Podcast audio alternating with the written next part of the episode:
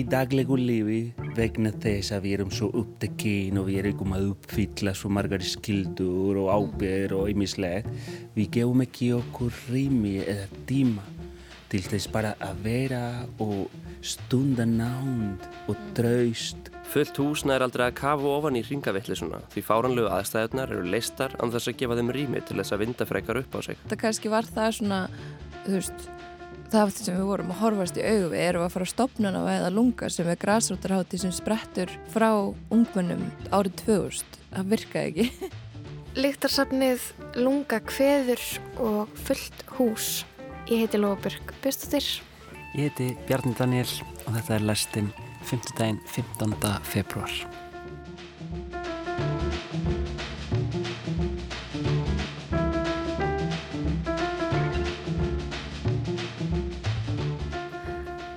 Setna í þættinum ætlum við að kíkja á borgarbókusafni í grófinni og um, þefa af hlutum og prófa alls konar, um, já, prófa að skinja og upplefa alls konar hátt og já, svo fáum við ríni frá kolpenni Rastrygg Mm -hmm.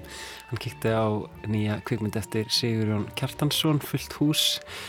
Þetta er eh, kammerfarsi. Uh, við ætlum að heyra þá rýni hérna rétt á eftir. Við ætlum að byrja á svona eh, einum af kannski stóru menningafréttum vikunar.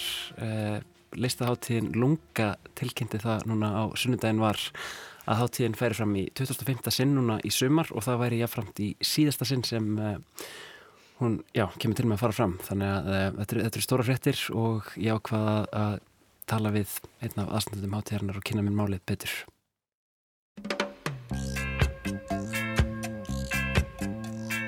Listaháttíðin Lunga var haldin í fyrsta sinn á Seyðisfyrði sumarið 2000 og hefur í tæp 25 ár verið stólpi í flóru menningaviðburða á sumrin hér á landi Björn Sigfinnsdóttir, stopnandi Lunga og framkvæmda stýra til margra ára saði frá rótum hátíðarinnar í síðdeisútvarpinu á Rást 2, sömurinn 2008.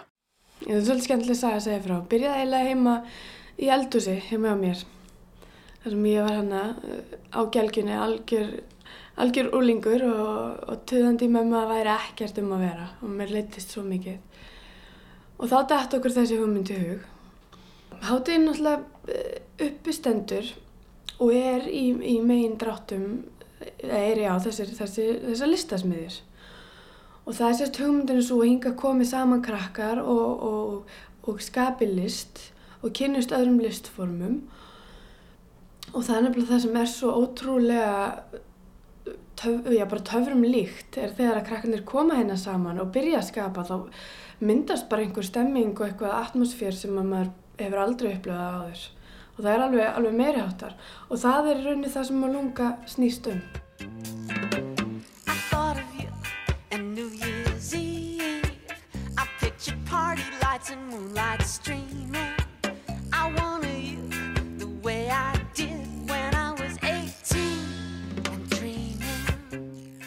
Í ár verður háttíðin haldin í 2005. sinn en á dögunum var tilkynnt að þetta mun jafnframt vera í síðasta skipti sem háttíðin verður haldin. Í stuttri en hjartnæmri ferslu á Instagram síðu Lunga kemur fram að stefnan sé að votta upphafsárum hátíðarinnar virðingu með hverju aðtöfn sem markar lok ævindirlegs 25 ára tímabils og búa jáfram til plás fyrir næstu menningar fantasíu græsrútarinnar. Björn var aftur gestur hjá síðdeisútarpinu á mánudagin var og tjáði sig þá á hjartnæmanháttum um þessar vendingar.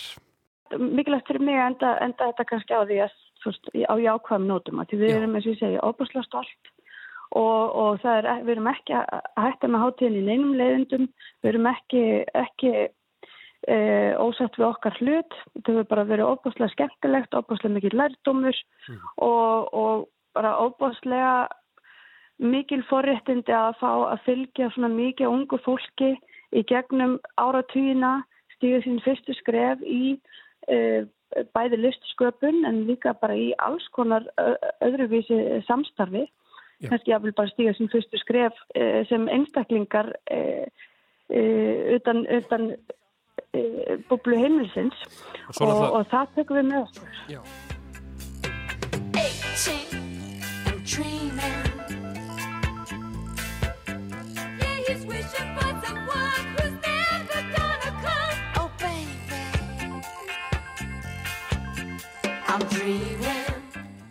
Ég setti mig í samband við Þórildi Tinnu Sigurðardóttur fyrir í dag en hún er einn af aðalskipulegjendum hátíðarinnar í ár og síðustu ár. Við veltum fyrir okkur þessari ákverðun. Að setja punkt aftan við 25 ára sögu lunga. Þú veist, það hefur náttúrulega allt sinn líftíma og við vorum í teiminu búin að vera að ræða eitthvað breytingar eða svona, þú veist, að reyna að komast nær kjartanum og, og vorum búin að ákveða þetta þema sem er spírall eða hverfill í sumar og vorum búin að leggja drauga því fólki sem við vildum vinna með og, og listasmiðu kennurum og, og leggja svona gróf drauga tónleikanum okkar í sumar og breyta skipulagningu þeirra, ekki að fókusa á næturlífið eða áfengisölu, heldur að reyða okkur meira á styrki til þess að einbytta okkur að ungmennum og börnum á þessum landsfjörðungi. En auðvitað líka hefur lunga alltaf bara höfða til miðbæjarins og, og, og listakreðsunar hér mm -hmm. og út um allt land þannig að þú veist að reyna bara að kjarna hátíðina aftur bara í þessa rót sem hún sprettu frá og hugsa þannig um þetta ferðalagi yfir þessi 25 ár sem kvirvill þannig að þú veist auðvitað var, voru við nú þegar byrjuð að skipleggja hátíð sem var að líta yfir farin veg og hugsa svona aðeins um þessa sögu og, og kannski bóðskapin sem lunga stendur fyrir og Jú, og svo er ástæðinu bara marglega og þú veist, í náttúrulega naflaskoðun þá náttúrulega kannski kemst maður að því að hlutinir hafa vaksið og breyst og kannski komið, kannski er erfitt að breyta þeim í eitthvað eldra far og bara já, með samtali við stjórnaformanin okkar Björn Sigfinnsdóttir og einna stopnendum hátíðarinnar sem var sjálf náttúrulega bara ungu táningur þegar hátíðin er stopnuð uh, og mammenar alheður Borgþórsdóttir meðstofnandi og, og hópur og ungu fólki sem var að stopna hátíðin á sínum tíma í kringum hefðist, á segðisverði og, og maður allt í hennu fóru að spyrja sig kannski er, kannski er þetta bara svona orðið náttúrulega endalók og horfast í augu við það að allt hafi sinn líftíma og að það sé líka fegurð í því að hveðja með sóma og sæmnd og, og gefa hlutunum rými til þess að deyja, það er líka fallegt skiluru út af því að þú veist auðvitað lifu á svona uh, aukinni hraðningu eða svona acceleration áöllu einhvern veginn og kapitalismin er bara allt um líkjandi og, og þú veist ég held að lunga hafi alltaf í grunninn verið svona rótæk starfsemi skilur sem talar til samtímans og þetta var eitthvað nefn bara svona lífræn svona niðurstaða. Allt líf skal föln og falla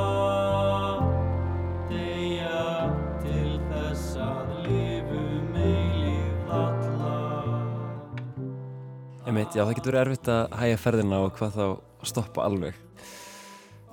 Er þetta búið að vera einhverju leiti erfið ákvörðun fyrir ykkur til þess að taka?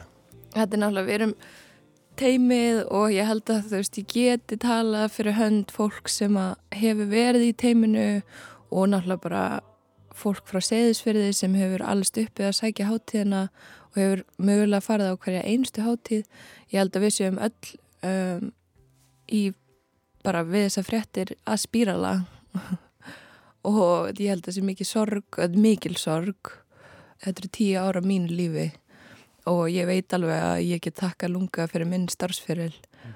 og mitt hengslanett í listum ekki komandi frá kannski svona mjög skapandi fjölskyldu þá, þá eða svona rótgrónni í myndlist eða menningu að þá veit ég alveg að þú veist þetta hefur verið klikkaður stökkpallur fyrir mig út í bara út í lífið og út í menningarlífið og, og, og bara hefur móta mig sem liststjórnanda En svo náttúrulega, þú veist, svo er það einhvern veginn reynsla eða, eða eins og segir tengsla eða hvað sem er það, þú veist, maður missir það ekki mm -hmm. þó, að, þó eitthvað, eitthvað svona Nei, ég, ég held um þetta, þú veist, ég kannski sirki bara, þú veist, alla allar kynnslóðanir sem munu ekki fá að njóta góðs af lungaháttíðinni mm. hvort sem það er að kynnast framtíðar samstarfsaðlum í tónlist eða myndlist eða sviðslist eða hverju sem það er eða einmitt mannskir eins og ég sem kannski er ekki sjálfa skapa en bara hafa miklu ástriði fyrir því að skapa samtalið, Algjörlega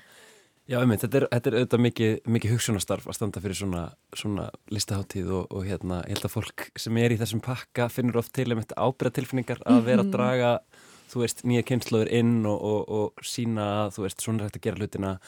Um, vil það sé mjög ríkt í mörgum sem standa í þessu stúsi en hérna, mér fannst svolítið fallegt sem þið skrifuðuð í tilkynninguna ykkar um, um að hátíðin er ekki haldin aftur eftir þetta sumar.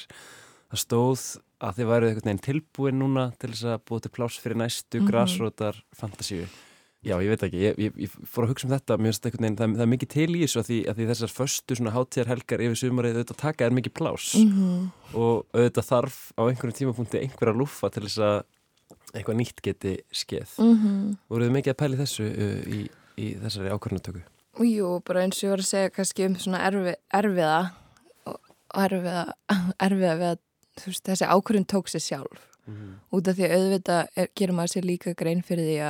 að veist, við erum öll að detti í þrítusaldurinn hópurinn sem er að skipla geta nú þegar og, og ekkert okkar er búsett veist, í heilt ár á fyrir austan eins og er og nema Haldur og Kristín sem er þú veist að vinna í barnaháttíðin okkar og, og hérna er búsett þar og hún er frábær skilur og er algjör svona, svona samfélagsfylltrúin okkar skilur en þetta var bara ógislega náttúruleg ákvarðin út að auðvitað er sjúglega mikið samkjöfni í styrtar hérna umhverfinu hérna og maður gerir sér alveg grein fyrir því að þú veist hlut sneiðin sem að lunga tekur af því styrtar umhverfi sem er fyrir austan og að landsvísu er náttúrulega auðvitað að taka frá okkur um öðrum, það er bara þannig. Styrtakerfi okkar er skipulagt í samkjöfni og samkjöfni við aðra geira líka sem að við höfum ekki róð í eins og bara ferðamannaðina en eitthvað þannig. Það er svolítið brjálu pæling. En mér langaði bara að segja áruna kannski við tölum já, já. um þessar margla ástæður sem að þú veist fyrir því að við bara komist að þessari niðurstöðu að þá auðvitað vitum við bara að þú veist að þessi að lunga sem nafn eða einhvers konar svona ímynd þú veist er í raun og veru eða einhver andi er ekki tengt við lunga þú veist það er bara held ég andi komandi kynslu og viðbrað við þörfinni á auknu samtali og skapandi samtali við listir og menningu. Ég held að þetta munir bara spretta eitthvað starf annar starf upp og ef það verður ekki á segðisverði þá verður það bara eitthvað starf annar starf í múlaþingi eða í fjardabegið eða þú veist, ég held að þessi strax eitthvað farið að grassarast fyrir vestan og, og alls konar hátíðir eins og hátíðinni og, og, og annað sko. Ég held að þessi kannski endalóg en líka upphaf held ég. Sko, já, langaði að tala eins meir um þetta sko varandi styrkina eða styrkja umhverfið og svona, svona þennan hluta af, af þessu starfi. Um, Þetta er ótrúlega, ótrúlega mikil áskorun að vera hópur af svona ungu fólki sem að er að gefa rosa mikið tíma og orku og vinnu í sjálfbæðilega vinnu. Veist, þær þóknarnir sem við greiðum teiminu eru meira ef eitthvað þakklætisvottur mm. sem við fáum. Þannig að þú veist, við náum aldrei að greiða einhvern veginn teiminu okkar fyrir þá vinnu og svo náttúrulega er það bæði verðbólgan og svo náttúrulega bara raunverði styrkja, þú veist, Múlaþing, Östubrú, uppbyggingarsjóður, þetta eru allt styrkir sem við höfum verið að reyða á ár eftir ár og fólki í Múlaþingi, þessir embættismenn, þeir eru okkur mjög kær og hafa stutt við okkur virkilega, þú veist, persónulega líka. En það er bara, þú veist, aðreind að raunverði þessari styrkja er að lækka. Sem, sem er það sem upphæðum hafa kannski ekki hækkað síðan bara fyrir COVID? Jú, og svo náttúrulega með aukinni einn tekið þá lenda náttúrulega hátir á landsvísu í því að þú veist, ef þú ert farin að selja áfengi eða farin að selja meða, að þá náttúrulega lækka styrkinir ofinberu, þannig að þá er náttúrulega einhvern veginn aldrei grundvelli fyrir því að ráða eitthvað starfsmann í 10% yfir árið eða eitthvað þannig. Og það er einhvern veginn eins og þegar maður þú veist, eigur eitthvað hér, þá bara lækkar það hér, þetta er eitthvað, þú veist, það er ekki, þetta er ekki sjálfbar geiri. Og ég held að þetta verði það ekki nema að sé bara endurskoðun frá miðstýringunni, þú veist, bara endurskoðun að innan frá hérna bara ríkistjórninni að þú veist, hvort að þau vilji styðja við bara hátíðir á landsvísu til þess að gera þeim kleift að vera með starfsmenn og þú veist, þetta, þetta er ekki sjálfbært eins og þetta er og þetta mun ekki vera sjálfbært eins og þetta er. Nei, mitt og, og eins og þetta er kannski núna þá, þá er mótileg kannski þannig að, að sko, það verður að reyða sig á að stór hópur fólk sé tilbúin að vinna sjálfbúðvinnu mm -hmm. í langan tíma til þess að láta svona hátíð gerast. Mm -hmm. Hefur það ekki bara náttúrulega í för með sér á einhverjum tímapunkti er bara komið nóg? Jú, ætli það ekki, þú veist, að einhverju leiti en auðvitað líka bara 25 ár er bara rosalega langu tími og á 25 árum gerist rosa margt í litlu samfélagi, skilur, það sem að ég held að hátíðin hafi verið að fá kannski frá byrjun 100 til 2500 manns í bæin sem að staðaldri er með 600 til 700 íbúa uh, svona í heilsars búsutu og stráinn fara að sapnast og auðvitað kem, koma upp einhverjar óveintar uppakomur og eitthvað tínist eða eitthvað svona þannig ég held að sé líka bara mikilvægt að þú veist fá pásu frá hérna listasinninni og, og svona en líka náttúrulega bara til þess að endurhugsa þetta skilur það þarf bara, við vorum byrjuð að endurhugsa þetta og, og ég held að það sé líka bara þú veist fyrir þá sem að vita það ekki auðvitað myndast svona og grassrast svona í grassrótin alltaf og, og, og svo náttúrulega bara er það svona, ég held að náttúruleg þróun svona hátíða, þetta bara grassarast, myndast frá einhverjur þörf og þá er bara, já, þörf og eftirspurn og svo er náttúrulega bara hópur að skapandi einstaklingum eins og þú þekkir að sem að taka sér til dags og, og ákveða að skapa eitthvað af sjálfböðalefinu og svo þegar það fyrir að vaksa þá náttúrulega fer bara bólmagnið að verða meira og, og þú veist, burðaþólið þarf að styrkjast og, og stundum gerist það ekki og hlutin er stækka á hratt og þú veist, lunga hefur held ég bara séð alls konar sviðsmyndir í gegnum árin. En það eru önnur dæmi eins og Bláakirkjan sem eru meðugudagstónleikar á Seyðisverði í hérna Seyðisverðakirkju þú veist, það var á sínum tíma bara tekið inn í sko múlaþing eða austubrú og inn, inn þar inn í eitthvað svona búrakrasju, skiluru, og það er auðvitað líka gott og gerir hlutunum klift til þess að við erum í lengri líftíma og, og halda stöðuleika og Lunga hefur ekki gert það, svo eru önnur verkan eins og Bras, barnamenningarhátti Östurlands uh, það er bara svona dæmi sem sprettur út frá þessum miðsteriðu kerfum.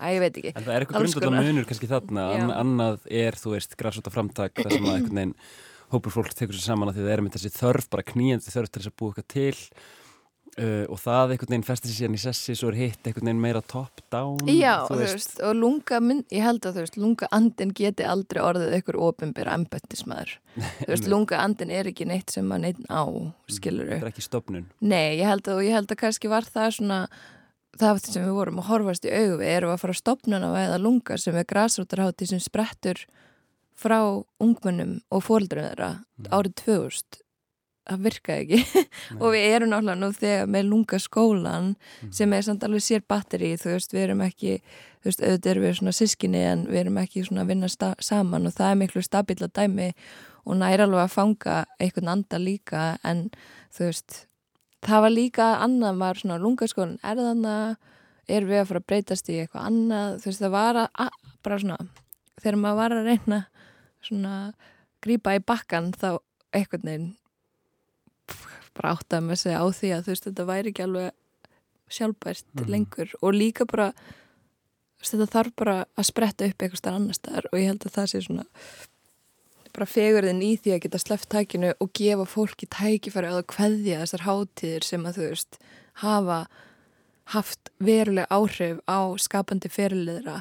Þú veist út af því að maður kannski hugsaði sér alveg ok, kannski keiru við bara í þessi 25 ára og svo fyrir við í endurskoðun eftir á þú veist, kannski keirum við bara í þetta 25 ára ammali og svo bara metum við stöðuna eftir á. En þá náttúrulega er líka bara hættan á börnáti og þú veist, bara, og ég held, ég er bara ógislega spennt og við erum öll ógislega spennt fyrir því að við erum strax búin að finna bara fyrir um hérna teimismeðlumir og skipilegjundur eru farin að hafa samband og við erum að halda dagskráni frekar opni fyrir þú veist, vinum og elskundum og mm -hmm frá förnum, förnum vegi og þú veist, ég held að þetta muni vera bara við munum enda þetta bara á eitthvað svona hæð.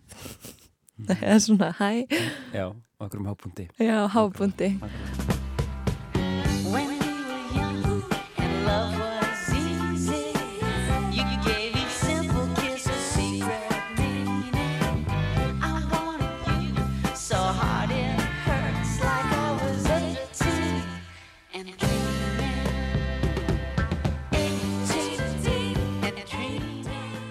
þróun sem að, sem að sumir hafa verið að benda og að það eru alls konar háttíðir alls konar viðburir, alls konar, alls konar dót sem að hefur verið einhvern veginn að já, fjara út og núna sérstaklega kannski eftir COVID það hefur verið þungur róður fyrir marga og, og einhvern veginn og ég hef virt fólk benda á til dæmis þessa ákvörðin hjá lunga sem einhvern veginn hluta af einhverju stærra trendi.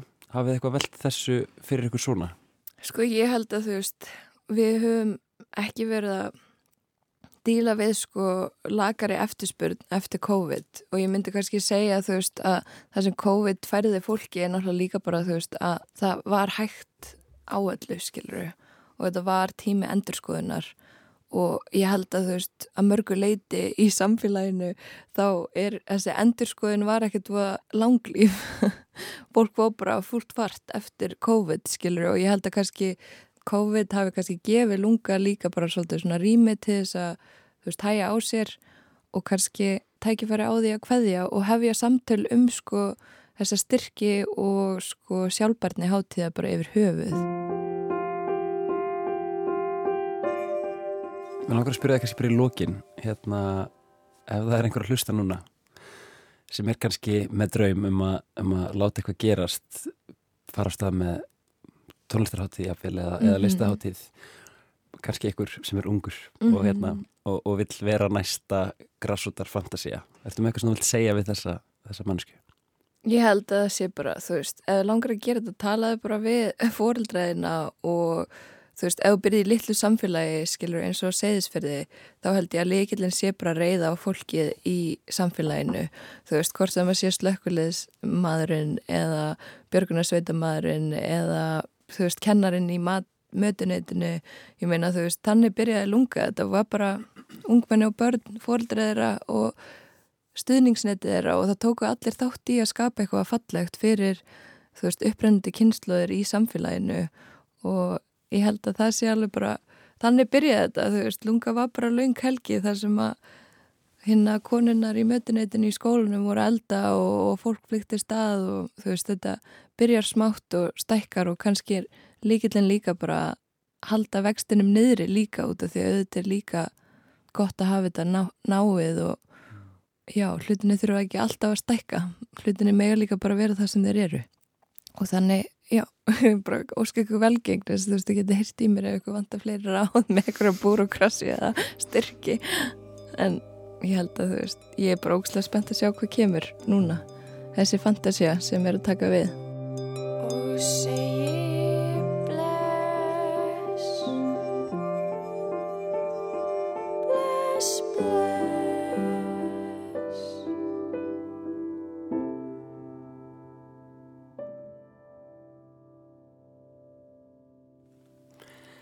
Við erum þarna brotur læginu Bless Bless eftir K. Óla lag sem kom út árið 2017 á plutunni Glasmanju.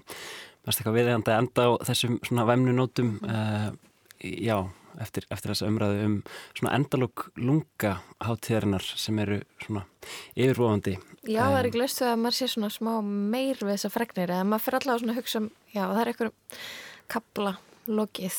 Algjörlega. Ég, ég rætti þarna við Þórildi Tinnu Sigurdóttur hún er einn af aðal skipulegjendum hátíðarnar hefur verið í því hlutverki þetta verið en áratug eða svo eh, þannig að þessi hátíð verið stór hluti af hennar lífi örgulega skrítið að, að loka þessum kabla mm -hmm.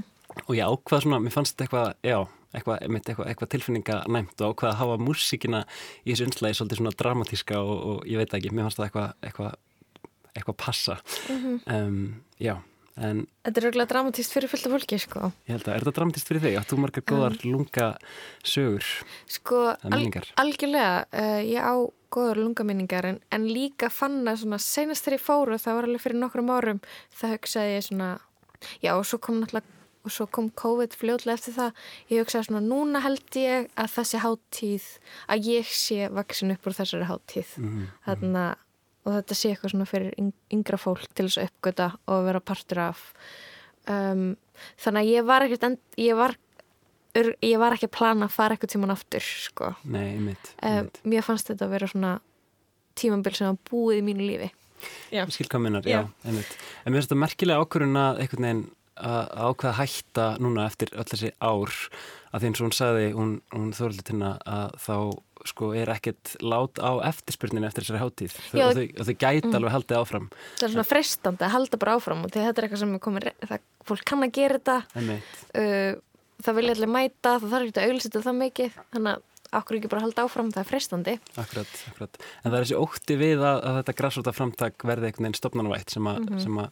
sem að þau ákveða að, hérna, sem verður svona, já, hvaðin að þau ákveða að setja punkt þarna fyrir aftan þetta. Mm -hmm. Og svo líka það að einmitt búið til pláss fyrir næsta græsótar framtak, mm -hmm. að mhm. geta einhverju aðri tekið sér til og, og gert eitthvað nýtt og spennandi. Mér finnst það líka mjög góð pæling. Mér finnst það góð ástæða, sko. Mhm. Um, þarna við ætlum að snú okkur að öðru, við ætlum að fara í bíó með Kolbjörni Rastrik, kvikmundagagrínunda lestarinnar. Hann kykti á grínmynd í bíó. The world famous theater Gamla bíó where the tragic uh, Icelandic Kammer concert took place. It was a full house. Even the president of Iceland, he saw it all. Það er semst umræða um að styrkja kamersveitina ekki næsta misseri. Menningar á þallra hætta að styrkja okkur. Þetta er búið. Hvað þýðir þetta fyrir okkur? Kamersveitina hætta og við að rýfast? Clemens Danielsson, selvoleikari, er okkur Íslandingum að góðu gunnur og ekki bara okkur Íslandingum heldur heiminum öllum. Já, ég er sérst búin að taka þá ákverðun að flytja heim. Þetta er nú bara aldrei stór frettir. Það er vonandi einhverjir þetta heima sem að vilja kannski fá mann í vinnu. Þetta er náttúrulega alveg stórkostlega frettir. Og svona heimsfragur og virtur selvoleikari sé tilbúin að ganga til lífsvið litla kammisveit á Íslandi. Þetta eru stór tíðindi sem verður fjallað um í erlendu fjölminn. Og hann sagðist verulega spenntur að fara í þetta verkefni. Kemur ekki stört það? Fullt hús er fyrsta kvikmynd Sigur Jóns Kjartanssonar og skrifaðan bæði handritið og leikstýrið. Myndin fjallar um litla kammersveit sem starfar í gamla bíó og þrýfst á styrkjum frá menningaráði Reykjavíkuruborgar. Aðsókn á tónleika er dræm og skindilega blasir við hljómsveitinni að menningaráð ætlar að draga styrk sinn tilbaka. Höfuð paur hljómsveitirinnar, Sigriður, sem Helga Braga leikur, bræður á það ráð að fá hinn heimsfræga selvoleikara Clemens, leikin af Hilmi Snæ, til liðis við hljómsveitina. Eftir að hafa talað við Sigriði nakin á FaceTime fælist Clemens á þetta og í kjölfarið hættir menningaráð við að draga styrkinn tilbaka. Það eina sem hljómsutin þarf þá að gera er að setja upp tónleika fyrir rjóma íslenskar valdastjættar. Í ljóst kemur þó að það eina sem stendur í vegi fyrir farsælum áframhaldandi ferli hljómsutarinnar er Clemens sjálfur. Það er ekki nómið að hann sé hinn versti dónakall og pervert heldur ákveðar hann auk þess að drepast þegar aðeins 12 mínútur eru í frumsýningu. Stendur hljómsundin þar að leiðandi frammi fyrir því að annarkvort missa styrkin og kamersveitina eða láta Clemens koma fram í hinsta sinn. Fullt hús er farsakend grínmynd og gengur uppbyggingin að miklu leiti út á að kynna personur og aðstæður til sögunar í fyrri helmingnum sem leika svo ákveðin hlutverk í sittni hlutunum þegar allt verðist vera að fara úr böndunum. Þetta er klassísku uppbygging á myndum sem tilhera farsagreininni en það eru alltaf að einhverju leiti eins og púsluspil. Hver hluti myndarinnar þjónar tilgangi en það er ekki fyrir en þeir smetla allir saman að árandur átta sig á því hver heildarmyndin er. Þráttur að fullt hús sé grínmynd eru nokkur atriði sem komin á alvarleg málæfni. Persóna Clemens er svo algjörlega yfirdrifin pervert og hálfviti að það getur verið erfitt að taka hann alvarlega. Hann verður því oft mjög komískur í því hvað hann er óþólandi. Á sama tíma er þó aldrei gert lítið úr því hversu óþægilegur hann er við allar þar konur sem hann hittir í myndinni. Helmi Snæ tekst mjög vel að vera ógeðslega fyndinn án þess að árandur gleimi því að hann er þrátt fyrir það ógeðslegur á sama tíma. Innan myndarinnar eru líka nokkur mjög sniðu atrið þar sem að samskiptum kynjana er stilt upp fyrst á heilbreðanhátt og svo með klemensi. Verða þannig til sjónrænar andstæður í tilfelli daðurs. Clemens er ekki hálfviti vegna þess að það má ekkert lengur, hann er hálfviti vegna þess að hann áreitir fólk. Alvarleiki fulls hús er þannig nýttur í grín á hátt sem gerir ekki lítið úr alvarleikunum, heldur í raunin styrkir hann og teksta yngar vel. Það er þó ekki bara Hilmir Snær sem stendur sér vel í hlutverki sínu, heldur fara hann allir leikarar myndarinnar á kostum. Helga Braga er sérstaklega fyndin sem segriður og kampi tilþrif hennar gera öll atrið sem hún er í þeimun fyndnari. Ilmur er einnig virkilega fyndin í gegn með alla sínar tilfinningaþrúgnu augnagotur sem hún skýtur í áttina öðrum hljómsötumælum. Nær allar personur myndarinnar eru líka dreffinnar en skapandi personursköpun gleimist oft í íslenskum grínmyndum. Það gerir allar finnar aðstæður mun finnari ef personunar í þeim eru komískar. Það er til dæmis eitthvað mjög fyndið í sjálfu sér að kjaran sem leikin er á Guðinni Davíð eða Góa eins og hann er betið þektur sé færtugur selulaukari í kammersveit gagn tekin að því að sapna merkjaförum. Eins er personar Sverristórs eða Sveppa, húsverðurinn Hörður, held tekin að því að laga þurfi ljósabúðinaðinn í gamla bíó en hann nýtir hvert tækifari til þess að kvarti við því við kammersveitina sem verð ekkert með það að gera. Fullt hús er einnig mjög íslensk mynd og það er mjög gaman að sjá íslenska mynd í bíó sem er ekki að neinu leitu upptekinn að því að vera útfluttingsvara. Fjölmarkir brandararnir snúa sérstaklega að sér íslenskum fyrirbærum og menningalögum vísunum en þessar skýrskotanir verða fyrir vikið miklu finnari. Það er til dæmis mjög fyndið atriðum miðbyggmyndar þegar borgaráðsfulltrúi sem leikin er af Pétri Magnúsinni tekur til máls. Munu aðdæðandur tvíhöfða eflaust kannast við Pétur og innihald ræðunar en hann er formaður félags hlustenda tvíhöfða og heldur ætið langa ræður um þá félaga í upphafi síninga þeirra. Það sem gengur þá ekki upp í fullt hús er farsinn sjálfur. Púsli er einfallega ekki nógu flókið. Þegar stóra stundin rennur upp í setni helmingi myndarinnar fyrir myndin að endurtaka sig ítrekað. Það er ekki búið að undirbúa nógu mikið í fyrri helmingnum sem hægt verið að nýta í setni helmingnum. Þó að myndin sé ekki nema 100 mínútur verið sem hún sé að reyna að tegja lopan til þess að gera sig lengri að óþörfu. Til dæmis eru mörg skot af menningavitunum úr skáltu að þættunum listalífi sem leiknir er af Jóníkunar og Egerti Þorleifsinni í gegnum síninguna. Eins eru mörg skot af yfirmanni rannsóknulauruglunar sem Sveitn Geirsson leikur þar sem hann nýklar brítnar og það verið sem hann muni koma upp um allt. Þessi skot eru mjög fyndin í fyrstu en þegar þau eru nótuð marg oft missaðu kraftin.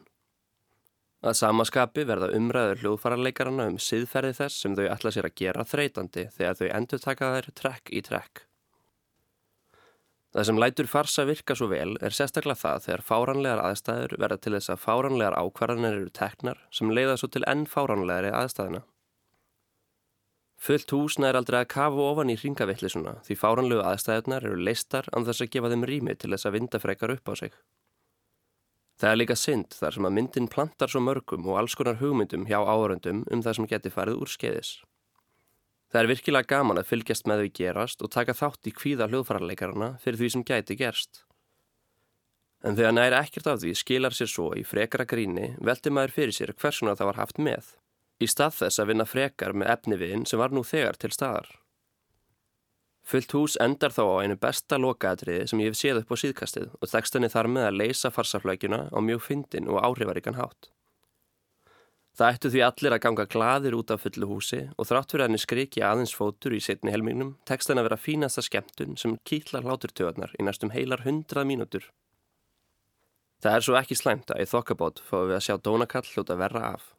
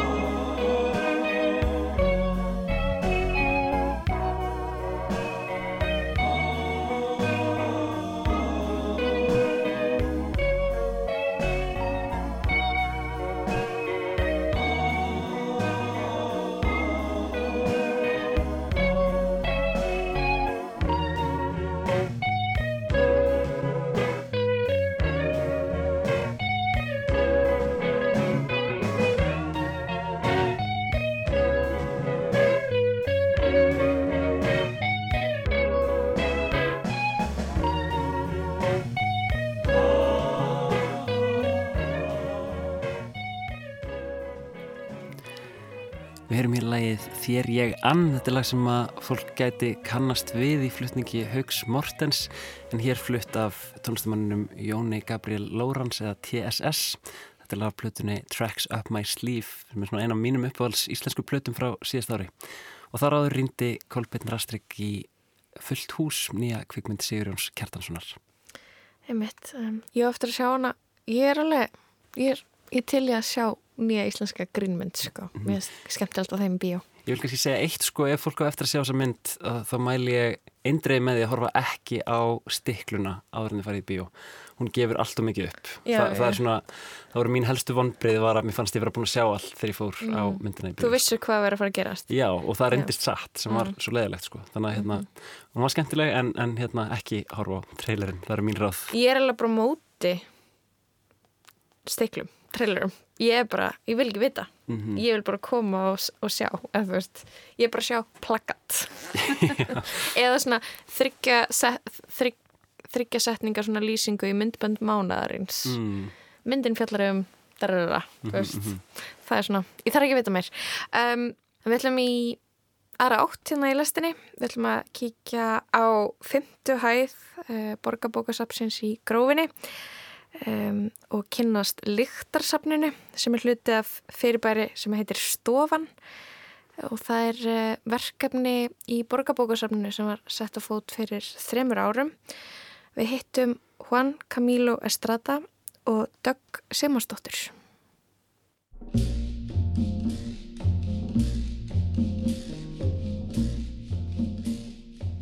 Ég heiti Juan Camilo Román Estrada og ég er upprunalega frá Kolumbíu en ég er í dag kolumbískur Íslendingur. Ég er búinn að vera hér í 16 ár og ég á íslenskri konu og tvö börn og mér líður mjög vel hér. Í dag er ég verkefnistjóri eh, verkefni sem heitir Sprettur eh, í Háskóla Íslands og ég er líka fjölmenningar fulltrúi og verkefni mitt snýst um að skapa vettvang fyrir háskólanema og nefnendur í framhaldsskóla sem vilja fara í háskóla e, með svona áherslu af nefnendum af erlendum uppruna og innan markmið er jöfnun tækifæri til mentunar.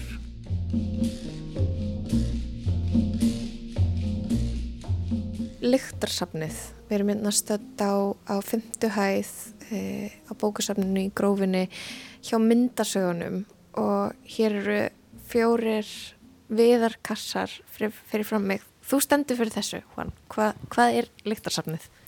Líktarsafnið er opið rými til að endur nýja á mjög einfaldan hátt okkar skimbrakt og þessa hugmynd kom til mín af því að ég er búinn að vinna í uppeldisfræði í nokkur ár.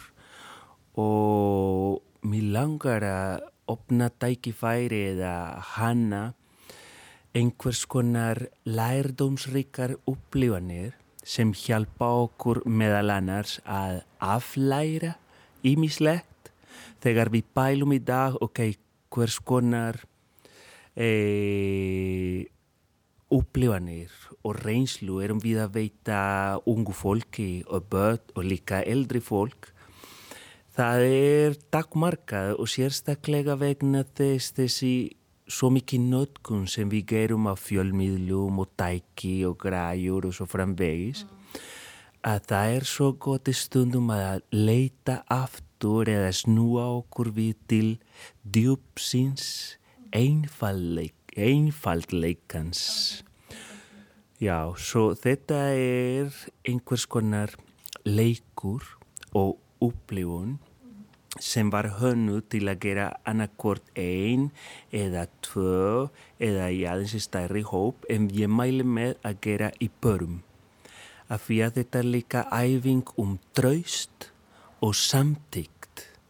Já, af því að allt byrja með að leifa öðrum mannesku veita þér upplifun í skimbræði eða á skinjunum og það sem er í, í þessum kossum eru ýmsum svona element eða hluti til að snerta, til að hlusta, til að þefa.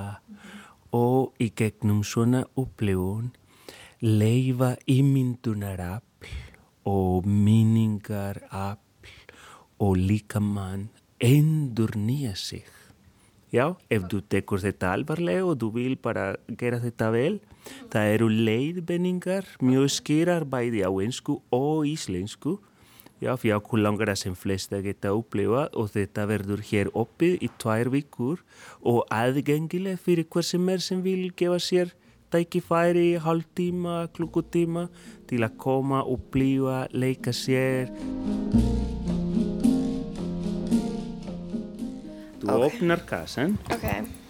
og hér er mjög skýr Mhm. leiðbenningar, instructions, ritmi, lestu mig og hér eru elementið og okkur langar auðvitað að fólk bara nýtu þetta, fólk getur tekið kössun og fara í öðrum stöð í bókasafni. Ok, þú þarfst ekki að vera hér og getur Já, tekið hér kassan. er í bóði og hér er mjög góð rými en fólk þarf ekki að vera hér. En við byggjum fólk samt að þegar þau eru búinn setja allt aftur í síni stað eins og þau findu það og, og koma tilbaka svo fleira getur geta nýtt. Þannig að maður á ekki bara að vera að þefa, en það er svona fullt af hlutum einna til þess að Já, finna lyktina af. nákvæmlega. Mhm. Fá þér sæti. Ok, þú ætlar að leiða mig gegnum þetta. Og Ok. anda smá. Ok. Já, og loka augu. Mhm. Treystir þú mig? Smá? Já, ég treysti þér. Takk kærleika. Mm Maður er samt einhvern veginn alltaf hrættur um að eitthvað sé að fara að stríða manni. Já, byrju. Segðu hvað þú upplifir, segðu. Það er að koma ykkur, allt í hennu kom mjög sterk lykt af, byrju, einhverju krytti.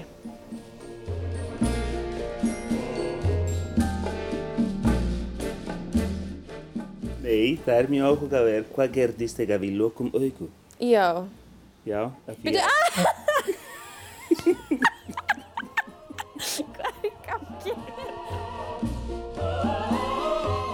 fer eiginlega bara strax á okkur svona smá tripp.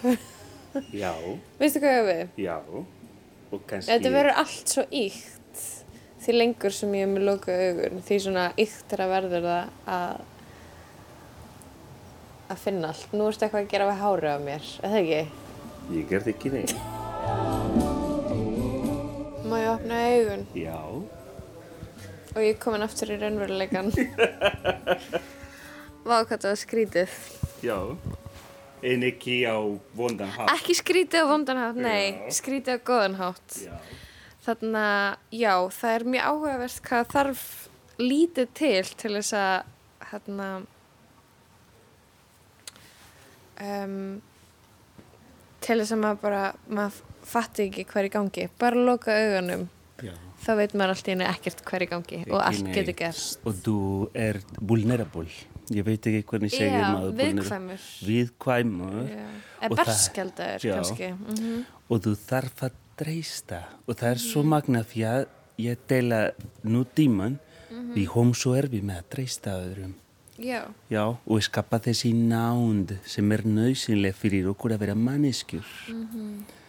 Já, og þetta er svo áhugavert af því að í daglegu lífi vegna þess að við erum svo upptekinn og við erum að uppfylla svo margar skildur og ábyrð og ýmislegt, við gefum ekki okkur rými eða tíma til þess bara að vera og stunda nánd og traust og samþygt og upplifun. Og eins og ég var að segja, endur nýja aðeins þessi skimbra þegar við lokum augu eins og í daglegu lifi við erum svo mikið háð að Augunum. að horfa allt meira að segja allt screen time er bara augubundin Mhm. já, svo það er svo gott að gefa smá þessi þetta er eins og tímaleysi sem skapast Mhm, Algjörlega. Og- Þetta hefði getið verið 15 mínútur Já. sem ég var með loka augun en það voru kannski ein mínúta, já, tvær.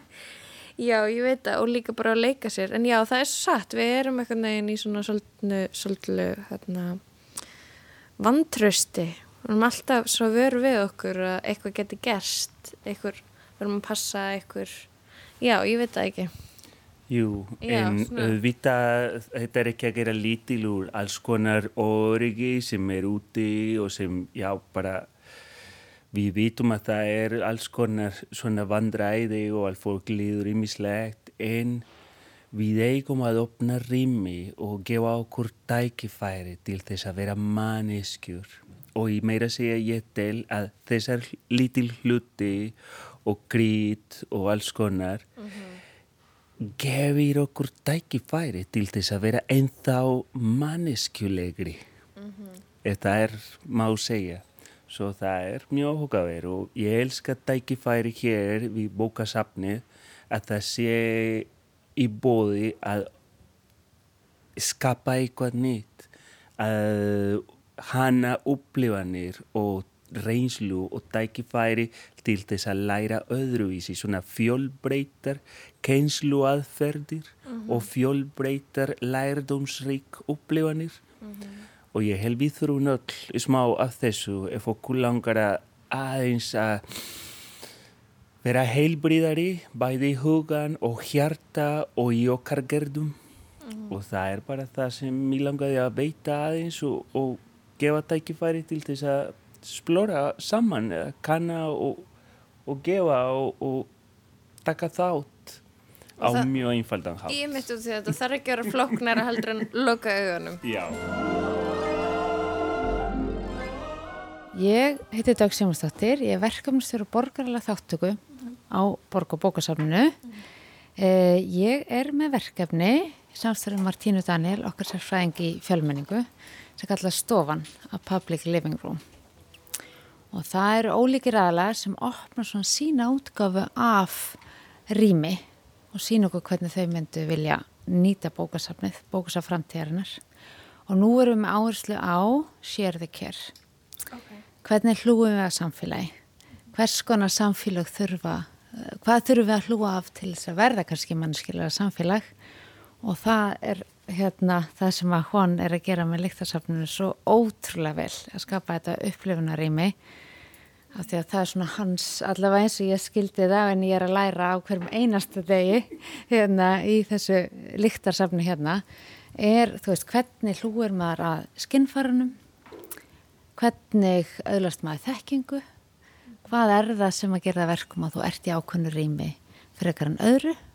Og það er kannski fullt af þáttum sem ráða því til dæmis hver vil nota bókasafn, hvernig viljum við nota bókasafn, af hverju kemur enginn á bókasafnið um, enginn af einhverjum ákveðnum samfélagshópa á bókasafnið, er rosamargir af einhverjum öðrum og þetta er svona það sem ég er að vinna með. Þetta eru spurningarnar um, Hvað er stofan þarna gamalt fyrirbæri?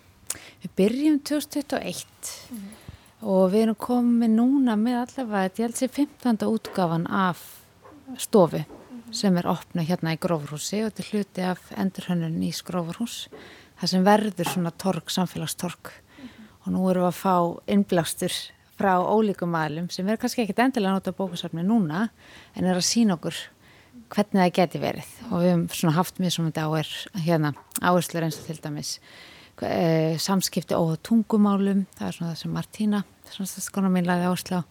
Og svo var ég að skoða á fyrsta árunu á hvaða stöðum uh, finnst okkur við geta stofnum til samtals það er sér hérna staðir sem er ekki endilega heima hjá okkur eða vin, í vinnunni eða skólanum heldur svona eins og við þekkjum sundljóðarnar eða það sem ert bara í sama rými eða fólk er að gera það sama og það líður því líður þannig að það getur kannski nálgast ókunnan eða bara næsta mann Einmitt.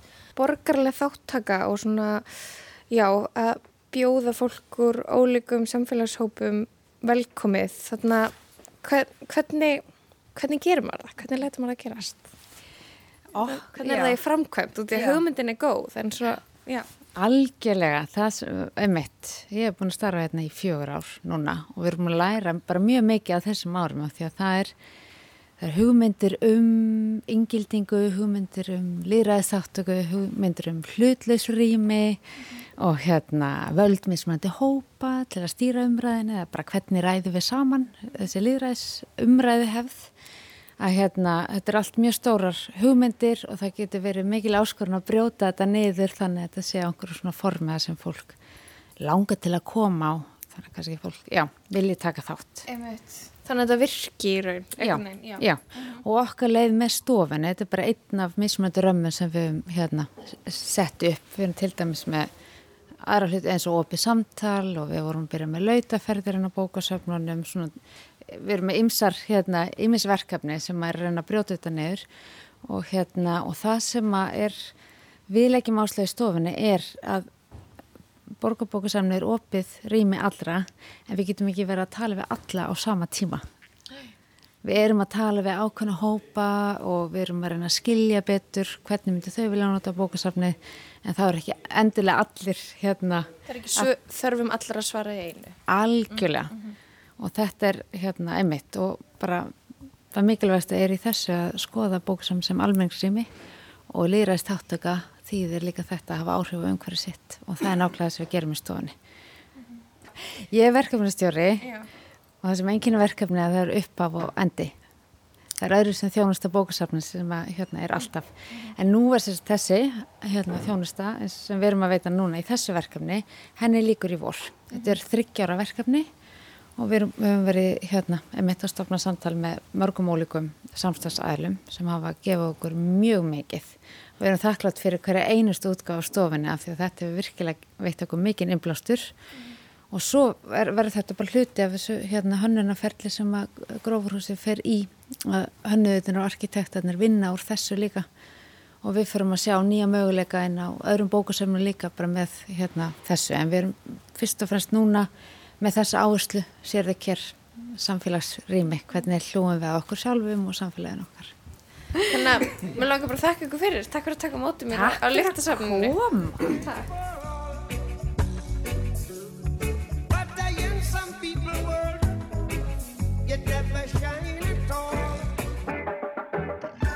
These roads of flames are catching a fire. Ah,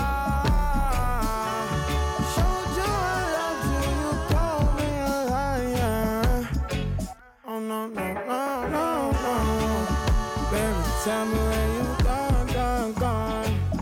I've been feeling for your love so long. We can praise God in the moonlight. Baby, if you with me, better do right. Við ætlum að ljúka lestin í dag á þessum nótum. Þetta er um, söngurinn YG Marley sem er sonur Lauryn Hill og Rowan Marley sem er einmitt sonur Bob Marley. Þannig að Vá, það er uh, svakaleg fjölskylda til að koma úr til þess að gera tónlist. Uh, þetta er lægið Praise Jah in the Moonlight og það er mjög uh, vinsælt á TikTok um þessa myndir. Mhm. Þar kynntist ég því Einmitt. og ég er mjög ánægð. Emitt, en við komumst ekki lengra í dag og, og ekki þessa vikuna heldur við Bjarni Daniel og Lóa Björg þakkum samfélgina. Þakkum Lítiðu Gretastóttur fyrir gott ljóð. Verið sæl. And if I'm telling you the feeling is wrong, relax a little, friend, this won't take too long. And when you're feeling alone, you can call my phone. Is there a better way to go? Teach them something before they lose the song. Oh, no, no, no. Freedom is the road. Oh, no, no, no. Coming in from the cold. Worth more than gold. And guiltiness will catch them in the end. Oh yeah, oh yeah. They'll try to manipulate you